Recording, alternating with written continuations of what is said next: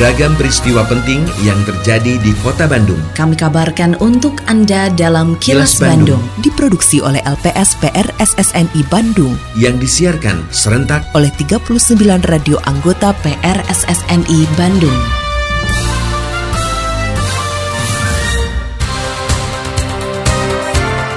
Sejumlah informasi aktual kami hadirkan untuk Anda dan inilah informasi utamanya.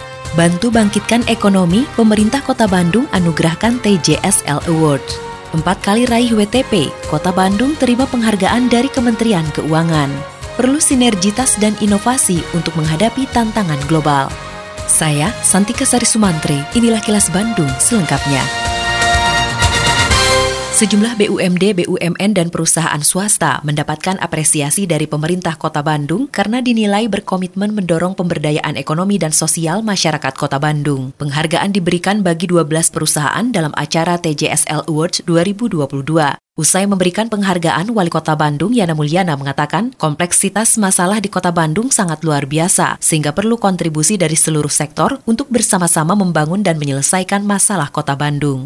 Seperti dilaporkan reporter Agustin Purnawan, Yana mengucapkan terima kasih kepada kalangan perusahaan di Kota Bandung yang konsisten memberikan TJSL atau CSR melalui kolaborasi dengan pemerintah Kota Bandung, terutama dalam mengentaskan ekonomi pasca pandemi COVID-19. Kompleksitas masalah di Kota Bandung ini tentunya sangat luar biasa. Dan semua masalah ini, kompleksitas masalah ini tidak bisa dikerjakan sendiri oleh pemerintah. Tentunya membutuhkan bantuan supporting dari berbagai pihak termasuk perusahaan-perusahaan yang ada di Kota Bandung sebaiknya tersalurkan lewat CSR atau TJSL dan alhamdulillah selama ini pemerintah Kota Bandung sangat terbantu dengan program CSR atau TJSL dari perusahaan-perusahaan yang ada di Kota Bandung.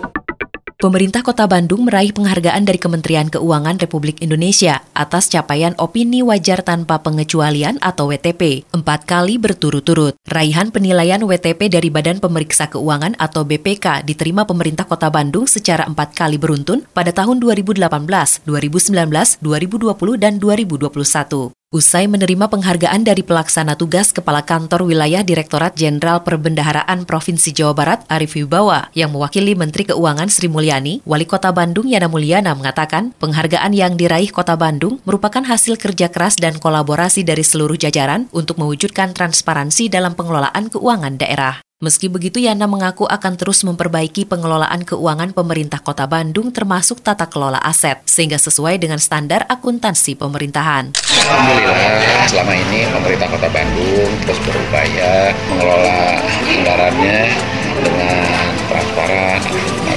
efisien, efektif. Kalaupun ternyata kita diapresiasi oleh BPK melalui WTP-nya yang empat kali berturut dan alhamdulillah hari ini juga kita diapresiasi lagi oleh Ibu Menteri Keuangan diberi penghargaan dari pemerintah Kota Bandung untuk mengelola keuangannya dengan.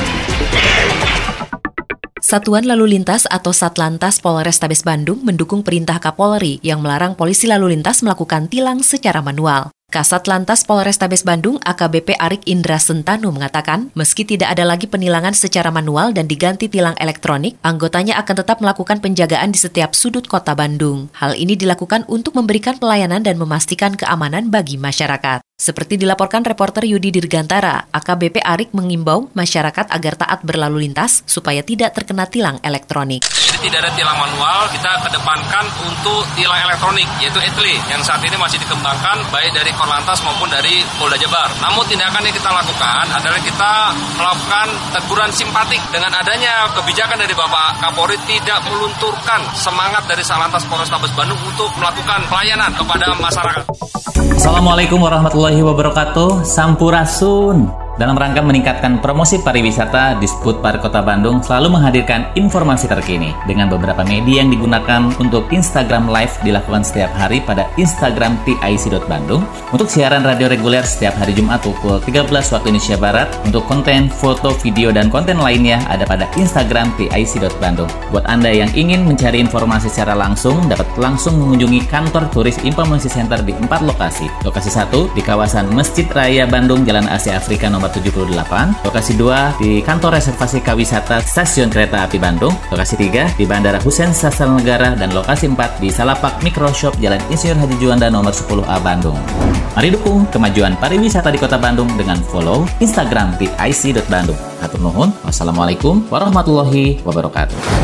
Iklan layanan masyarakat ini dipersembahkan oleh Dinas Kebudayaan dan Pariwisata Kota Bandung.